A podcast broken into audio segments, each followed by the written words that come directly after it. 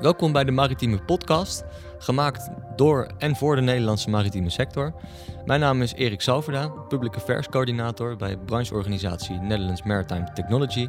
En vandaag gaan we het hebben over de jaarcijfers van de Nederlandse maritieme toeleveranciers. Deze maand verschijnt namelijk het LMT sectorjaarverslag met de sectorcijfers uit 2019. Uh, vandaag de gast in de studio Antoinette Willemsen van CSI Control Systems. En met haar blikken we terug en kijken we alvast vooruit. Welkom Antoinette. Dank je Erik. Leuk om vandaag hier in de Postcat Studio met jou te zijn. Goed om je erbij te hebben. Um, Antoinette, jij bent commercieel verantwoordelijk voor CSI Control Systems. Wat, waar houdt jouw bedrijf zich voornamelijk mee bezig? Uh, eh, CSI levert uh, geïntegreerde machinekamer, alarm- en automatiseringssystemen. En dan kan je denken aan het starten en stoppen van de pompen, het bedienen van afsluiters, generatoren, niveaumetingen van tanks, uh, et cetera. En naast je functie bij, bij CSI ben je ook bestuurslid bij NMT.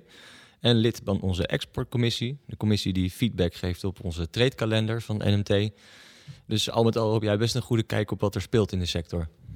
Ja, dat is prachtig om dat uh, cluster van bedrijven van uh, dichtbij te mogen zien en de verhalen te mogen horen tijdens de exportcommissies. Ja, en ook die diversiteit van baggerschip tot megajacht, echt een uh, ja, bijzondere sector. Ja. En ehm, nou ja, vandaag in deze podcast willen we het eigenlijk over drie dingen hebben. Ehm, we gaan eerst even kijken naar hoe, hoe ziet nou die markt van Nederlandse maritieme toeleveranciers er eigenlijk uit. Daarna gaan we het hebben over de jaarcijfers van 2019. En vervolgens uh, willen we wat, verder vooruit kijken. Mm nou, we beginnen dus, uh, als je het goed vindt, met, uh, met de markt. Mm -hmm. Kun jij een, een, beeld schetsen van hoe die Nederlandse maritieme toeleveranciersmarkt er nou eigenlijk uitziet? Um, ja, er zijn natuurlijk veel verschillende specialiteiten, hè, producten en diensten. En ja, de belangrijkste productgroepen zijn de elektrotechnische, werktuigkundige installaties, ingenieurdiensten. Je kan denken aan nautische componenten, coatings, interieurbouw en uh, ja, technische onderhoudsdiensten.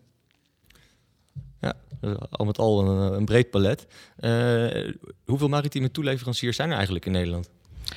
Uh, het totaal aantal maritieme toeleveranciers in Nederland wordt uh, geschat op zo'n uh, eh, 800, waaronder zeer veel MKB-bedrijven.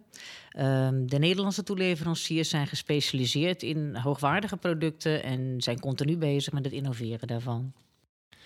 En aan welke partijen leveren maritieme toeleveranciers hun producten en diensten? Oh. de Nederlandse maritieme toeleverindustrie levert producten en diensten naar scheepswerven, rederijen, offshore, binnenvaart, visserij, jachtbouw en marine. Oké, dus een toeleverancier levert aan de maritieme industrie. En dan wat voor scheepstype moet ik dan denken? Um, dit is erg breed. Het varieert van vracht- en tankschepen, baggerschepen, cruiseschepen, veerboten, um, visserschepen en luxe jachten. Oké, dus toeleveranciers die leveren producten en diensten voor de nieuwbouw van schepen. Uh, ja, nieuwbouw is één markt. Uh, maar je moet ook denken aan reparaties, onderhoud, refits en conversies. En hoe doe, je, uh, hoe doe je het als maritieme toeleverancier als je op een, op een makerslist van een werf of van een schip wil komen? Mm -hmm. Ja, dat kan via de, de werf of een reder, een technisch manager, superintendent, agent. ja, daar heb je eigenlijk meerdere mogelijkheden voor. Ja, en eh, wat, wat zijn nou specifieke drivers die, eh, die van belang zijn voor de toeleverindustrie? Um, toeleveranciers die leveren over de hele wereld. We zijn dus erg afhankelijk van de marktomstandigheden in de wereldscheepsbouw. Economische groei, wereldhandel, de behoefte aan vlootvervanging. Um, ja, en segmentspecifieke uh, drivers hebben allemaal invloed op de wereldscheepsbouw. Uh, hartelijk bedankt voor je toelichting op uh, hoe die uh, toelevermarkt er nou eigenlijk uitziet in Nederland. Dan wil ik het nu graag met je hebben over de jaarcijfers over 2019. De totale omzet van die Nederlandse maritieme toeleveranciers die steeg in 2019 naar 3,8 miljard euro tegen 3,5 miljard in 2018. En het aantal eigen werknemers steeg van 17.318 personen in 2018 naar 17.574 personen in 2019. En uit schattingen blijkt dat ongeveer 65% van de omzet werd gegenereerd door export. De prijsniveaus die bleven in 2019 onder druk staan en het concurrentieniveau wordt nog steeds als bijzonder competitief ervaren. De eerste gedachte die eigenlijk bij mij opkwam toen ik deze cijfers las, was dat de toeleveranciers het helemaal niet zo slecht hebben gedaan. Uh, tja, als je kijkt uh, enkel naar de gegenereerde omzet, was dat inderdaad beter dan 2018. Uh, ondanks dat er veel minder orders voor schepen zijn binnengekomen in 2019, waren de orderboeken bij toeleveranciers redelijk gevuld. Het is natuurlijk ook belangrijk om te realiseren dat er verschil zit per toeleverancier. Hè, dus waar zij zich bevinden in de, het nieuwbouwproject. Sommige leveranciers zitten in het voortraject, dus die worden al betrokken bij het ontwerp. En toeleveranciers die producten leveren die pas later in de bouwfase nodig zijn, voelen de impact van een neergang in de industrie dan vaak ook pas later. En, uh, en in welke categorie vallen jullie als, uh, als CSI? Zitten jullie al eerder in dat project of, of wat later? Dat hangt eventjes van, uh, ja, laat maar zeggen, het marktsegment af. Um, in de nieuwbouwmarkt zitten we dan in het middenstuk, laten we zeggen. En uh, refeeds en conversies, ja, dat hangt er even van af of dat aan het begin of het eind is. Um, in de eerste helft van 2019 hebben we met name in de nieuwbouworders uh, gescoord. Uh, dredgingsector in Singapore. En voor de tweede helft van 2019 was dat met name refits en spare parts. Met upgrades in Abu Dhabi en een refit van P&O Ferry in de UK. Ja, en uh, als je nou over het algemeen kijkt, hoe, hoe hebben jullie dan die, die marktomstandigheden ervaren in 2019? Um, redelijk stabiel, laat maar zeggen. Bij ons uh, was qua omzet uh, dat niet um, het eerste half jaar hoger of een soort 52 naar 49 procent. Dat klopt niet. Hoor je nou? dus het komt redelijk overeen met het algemene beeld van de cijfers hoe jullie dat daarbij ervaren. Ja, dat komt redelijk overeen. Ja. En als we kijken naar de, naar de concurrentie, uh, ik neem aan dat die groot is, maar uh, en waar, waar zit die, die concurrentie? Het uh, concurrentiegehalte is hoog en de marges zijn laag. daarnaast zijn er ook veel barrières zoals sancties, lokale contentregelingen, Jones Act. Ja, en de vraag of iedereen moet voldoen aan dezelfde strenge eisen die gelden voor het verlengen van de keur in bepaalde landen. Uit een grote export-enquête blijkt dat ongeveer 65% van de omzet wordt gegenereerd door export. Uh, aan wat voor landen moet ik dan onder andere denken? Uh, bijvoorbeeld dicht bij huis, zoals Duitsland, waar onder andere cruiseschepen worden gebouwd, Frankrijk, Spanje, Italië, maar ook uh, Turkije, waar werven voor veel internationale klanten bouwen en repareren. Um, Rusland, waar steeds meer scheepsbouwactiviteiten op gang komen. CSI is onder andere actief uh, in de nieuwbouwmarkt. Hè, wat ik daarvoor al zei, in Singapore, Vietnam en, uh, en China. En betrokken bij upgrades en reparaties uh, wereldwijd. Bij ons is ongeveer ja, 75% van de omzet wordt gegenereerd door export. Ja, dus export is een, een belangrijk onderdeel voor, voor jullie business. maar je doet ook zaken in Nederland. Hoe belangrijk is nou die thuismarkt voor toeleveranciers? Uh, ja, voor bedrijven verschilt dat. Uh, wat ons betreft, uh, ja, wij blijven dan in contact natuurlijk met de Nederlandse markt. de, PO, de PO's die wij bijvoorbeeld voor refits recentelijk hebben gescoord bij Vroon Livestock uit Singapore. Ja, daar ligt het contact bijvoorbeeld wel in Nederland bij de superintendent. Ja, dus dat Nederlandse netwerk dat blijft van belang. Ja, dat blijft van belang. Ook in deze internationale markt. Ja. Um, nou ja, als je het goed vindt, kijken we ook even vooruit. Uh, in plaats van, uh, van alleen terug. Mm -hmm. um, de scheepsbouwindustrie is best hard geraakt door de coronacrisis. Uh, de crisis die heeft impact op de wereldhandel en ook op de inkomsten van reders, waardoor er minder schepen worden besteld en er minder geld beschikbaar is voor onderhoud en refit of conversie van, schepen, of conversie van schepen. Daarnaast is ook de olieprijs hard gekelderd, met gevolgen voor de offshore-industrie. Um, nou ja, dat zijn best een aantal ontwikkelingen. Wat heb jij tot nu toe gemerkt van, die, van de impact van de coronacrisis? En wat zie je bij andere bedrijven om je heen gebeuren? Ja, het ging eigenlijk allemaal uh, erg snel. Ik kwam uh, halverwege maart uh, net terug van een uh, trade-missie naar Indonesië, waar ook het koninklijk paar bij aanwezig was. En eigenlijk nog geen twee dagen na thuiskomst ging de boel dicht, zeg maar. we hebben toen ook direct voorzorgsmaatregelen getroffen. Ja, maar mensen zijn onze belangrijkste assets. dus thuiswerken, ploegendienst op kantoor en remote service leveren voor klanten.